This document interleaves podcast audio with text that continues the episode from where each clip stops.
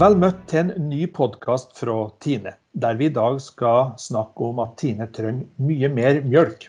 Styret har nylig anbefalt overfor Landbruks- og matdepartementet å øke forholdstallet til 1,05. Målet er å få inn 1530 millioner liter kumjølk i 2020. Og styreleder Marit Haugen, du har sagt at det som nå skjer, faktisk er en positiv nyhet. Hvorfor er det det? Jo, når det norske folk vil ha våre sunne, gode melkeprodukter, og vil ha enda mer av det, ja, det kan ikke være noe annet enn en god nyhet. Ja, Vi har med oss også konsernsjef Gunnar Hovland. og Hva, hva tenker du om at uh, dette er en god nyhet? Og hva er det som gjør at, uh, at vi nå trenger mer mjølk? Litt eh, enkelt forklart så er det to hovedårsaker. Eh, det ene er at vi har fått inn litt mindre melk eh, hittil i år enn det vi har planlagt for, ca. 9 millioner liter. Kombinert med at det at folk spiser hjemme, så spiser de rett og slett og drikker mer melk og bruker mer ost og den type ting, som gjør at forbruket er større enn det som vi har i en normalsituasjon. Og Den kombinasjonen er som Marit sier, en veldig positiv nyhet for Tine og melkebonden, at, kan, at det brukes mer melk i, i hverdagen til norske folk. Så vi må gjøre alt vi kan naturligvis for å prøve å treffe de behovene som er ute i markedet. Men så er spørsmålet. Dere har, eh, både du Gunnar og Marit har poengtert veldig tydelig at det er i tredje kvartal at vi trenger denne melka. Så tredje mm. kvartal betyr da på ettersommeren og, og tidlig høst òg. Hvorfor akkurat i denne perioden, Marit Haugen? Det er markedet som etterspør melkeproduktene våre nå. Så vi trenger å lage de produktene nå som vi skal selge nå. Så kjenner vi til sommerdumper. Dvs. Si at vi melkeprodusentene jevnt over produserer litt mindre melk på sommeren. Og det er det vi må prøve å veie opp litt imot, og ta et eh, skippertak alle sammen for å produsere litt mer melk når markedet trenger det. Og Da forstår jeg at det skaper både lønnsomhet for Tine og, og økt lønnsomhet for, for, bonden. Men har vi da kapasitet på sommeren til å, å ta imot den melka, Gunnar Hovland? Ja, vi har altså, ingen problem på sommeren i tredje kvartal, som Marit er inne på. For der er det som regel da, fortsatt uh, en sommerdump og litt, litt, lite melk inn til anleggene våre. Så vi ser svært gjerne at vi får flata ut melkekurven. og det er for melkeprodusentene veldig lønnsomt, og for Tine veldig lønnsomt å få flata ut den eh, kurven som vi har i Norge på, på melk i løpet av året. Uh, utfordringen vår på kapasitet kommer når vi nærmer oss uh, jul og nyttår. Uh, sånn at november, desember, januar er ofte krevende, for da kommer den motsatte effekten. At vi får en produksjonsstopp av råmelk inn til meieriene. Og må til å kjøre døgnkontinuerlig for å ta unna den melka på dårligere melkeanvendelse. Men hva skjer da hvis vi ikke får mer mjølk i, i tredje kvartal, Gunnar? Nei, altså Det som har skjedd hittil i år, er at vi, vi har brukt av lagrene våre pga. at eh, melkeinngangen har vært uh, lavere enn det vi har planlagt for. Så vi har brukt eh, de lagrene som er bygd opp på smør og ost og den type ting i, våres. Og utover høsten så har vi da, vi inn i høsten med lavere sikkerhetslager på sentrale produkter. så vi er avhengig av melk for å kunne bygge lager nok til å takle markedet. Eh, I verste fall så, fall, eh, så, kan det jo bli utsolgt situasjoner på enkeltprodukter, men vi gjør jo alt vi kan for at vi skal unngå det, naturligvis. Og så var du inne på det her med at hvis det da kommer mye mjølk mot slutten av året, i november og desember, at det kan, det kan sprenge kapasiteten. Du har dratt en parallell vet jeg, med det som skjedde i, på slutten av 2018. Hva var lærdommen fra den gangen? Ja, Lærdommen den gangen var jo at vi, vi fikk inn veldig mye melk eh, i desember eh, og januar. Eh, vi kalte det nesten for en Niagarafoss med melk. Med den følge at vi måtte kjøre døgnkontroller og hele uka på veldig mange anlegg. Og Det førte også til at vi fikk en melkeanvendelse som var lite lønnsom både for melkeprodusenten og for Tine.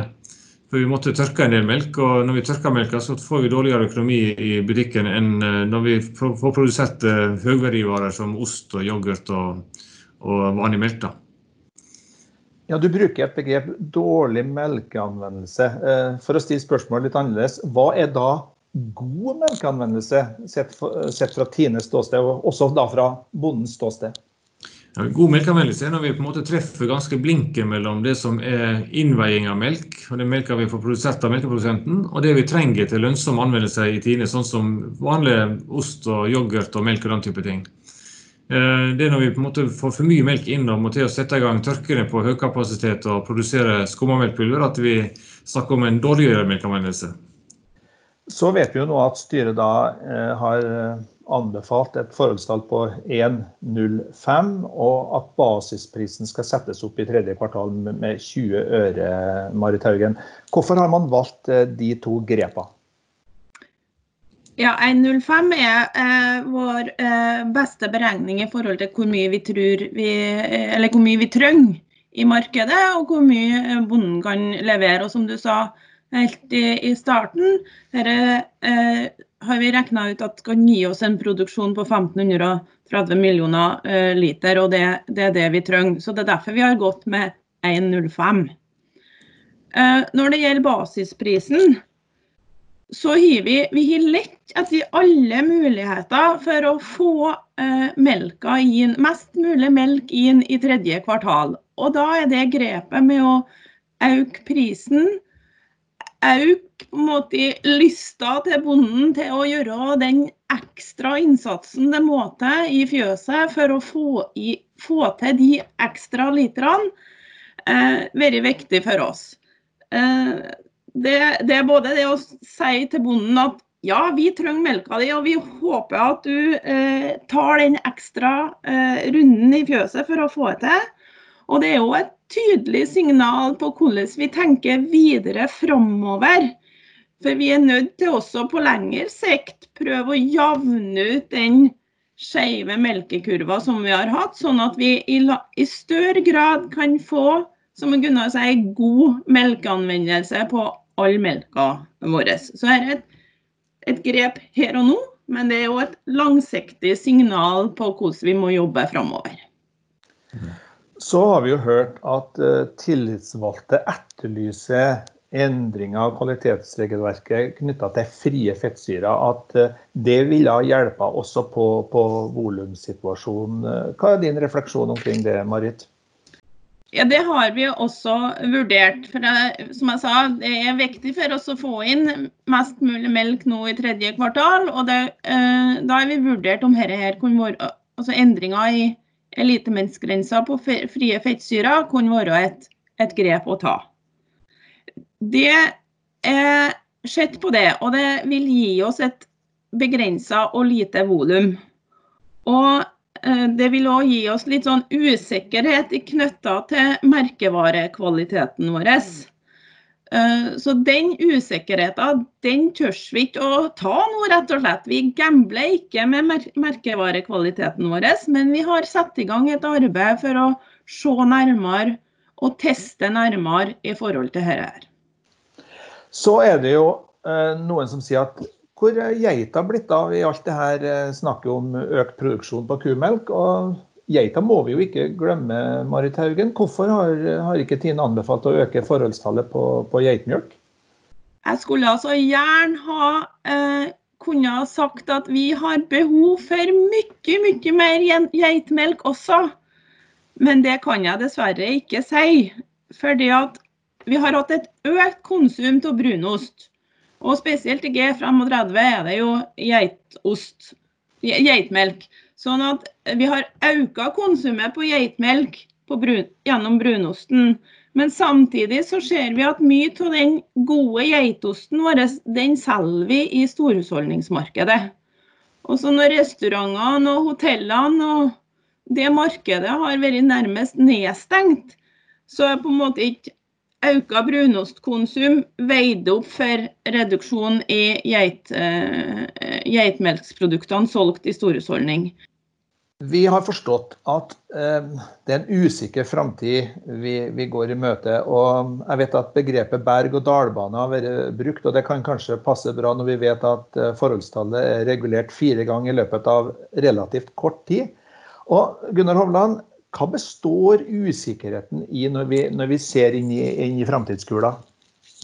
Det, vi tenker at eh, det som skjer nå i Norge, sant, det er at vi har aldri vært i en situasjon der så mange ting eh, har endra seg og vært usikre på samme tid. Eh, og Det gjelder ikke bare Norge, det er samme du ser på kontinentet i Europa og i USA, sant, der melk tømmes ut om dagen. Så det er veldig vanskelig å planlegge for den type situasjoner som vi står oppi akkurat nå. Eh, og Hvis du deler dette opp i verdikjeden vår, så er usikkerheten ute i markedet knytta til både når starter åpner grensene opp igjen eh, for grensehandel. Det er en stor usikkerhet. Hva skjer når folk går tilbake på kontorene sine sant, og spiser mindre hjemme? Hva vil skje med kostholdet og med bruken av vårprodukter der? Det er en usikkerhet. Eh, hva skjer når storhusholdningsmarkedet åpner opp igjen? Hvordan vil folk spise på hoteller og restauranter i framtiden i forhold til hvordan det var før korona? Så ute i markedet er mange, og sånn kan jeg fortsette med ganske mange elementer ute i markedet som vi naturligvis bruker alt, veldig mye krefter på å analysere og prøve å finne ut av. Tilsvarende inne, inne i industrien vår nå, så har vi snakka om at eh, oppstarten i Irland eh, det er kjent med at den har jo blitt utsatt. og Vi er usikre på når vi kommer i gang der borte og hvor fort vi kan få opp det anlegget der. Som vil ha implikasjon igjen på melkebehovet i Norge. Uh, og Vi skal også bygge om Eldesvågen i løpet av uh, høsten, her, som også har en viss implikasjon i forhold til det vi har kapasiteter i industrien. Så Det er det ganske mange elementer, og vi kan fortsette den lista også med ganske mange elementer som påvirker oss. Og så er det på råstoffsida som vi snakker om nå, da, som er melkeinngangen. Der vi starta året kan du si, med, med en lavere inngang, og vi heva forholdstallet her for noen måneder siden til 1,01. Likevel så ser vi nå at vi har 9 millioner liter melk mindre inn enn det som vi trodde vi skulle få inn som følge av de justeringene vi har gjort i år. Så der ser vi at inngangen er dårligere.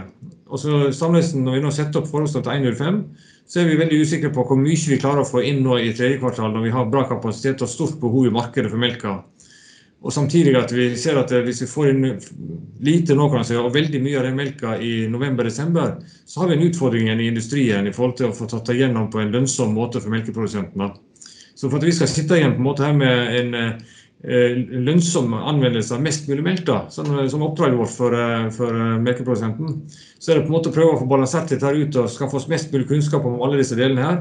Sånn at melkeprodusenten sitter igjen og leverer mest mulig melk til norske markedet til en høyest mulig pris. Det er jobben vår. Men eh, som sagt, eh, aldri vært i en situasjon i Norge eller utenfor Norge heller som har hatt så mange elementer som kan på en måte eh, påvirke prisen og volumet ganske radikalt, sånn som vi har sett de siste månedene. Når jeg hører på deg nå, så skjønner jeg at dette er en ligning med mange ukjente x-er og y-er. Og, og, da tenker jeg Marit Haugen, at det, dette er jo også krevende for produsentene med så lite forutsigbarhet. Hva tenker du om det? Ja, men det er jo det. og Vi driver jo ikke og produserer spiker og kan skru på og ta knappen på melkeproduksjon. Det vet vi jo alle i hop. Men jeg skulle også gjerne ha sagt i november i fjor at det ble 1,05 som var neste års eh, eh, forhåndstall. Men det var det jo ingen som visste om korona eller den situasjonen vi kom til å eh, komme i. Så Sånn sett så tror jeg melkeprodusenten har god forståelse for at vi i denne situasjonen her må justere og må følge markedet tett på. Og det, som jeg sa helt i starten, vi skal nå være glad da, for at vi er i den næringa vi faktisk er. Jeg forstår det her er en balansegang på forholdsvis stram line. At man ønsker mjølka i tredje kvartal, og da ikke så mye mot slutten av året. Men så vet vi jo at det her er en biologisk produksjon. og det er, jo, det er jo ikke en knapp å trykke på, men hva slags konkret råd vil du helt på tampen her, Marit Haugen, gi til dine yrkesbrødre og, og søstre? Gå i fjøset ditt og se Leit etter mulighetene. Se hva akkurat du kan gjøre for å produsere mer melk nå de førstkommende månedene. Bonden er vant til å snu seg, og bonden er vant til å finne gode løsninger. Så her er, her er rett og slett en utfordring som må løses i hvert enkelt fjøs. Og så er det sånn at alle monner drar. Vi vet kanskje at vi alle jobb kan få til bitte litt, og i lag kan vi få til mye. Det blir i hvert fall spennende å se hvordan utviklinga blir utover eh, sommeren og, og tidlighøsten. Vi har i hvert fall prøvd i denne podkasten å belyse litt av de utfordringer og ikke minst muligheter som ligger i den situasjonen vi nå opplever i norsk melkeproduksjon. Takk til konsernsjef Gunnar Hovland og styreleder Marit Haugen.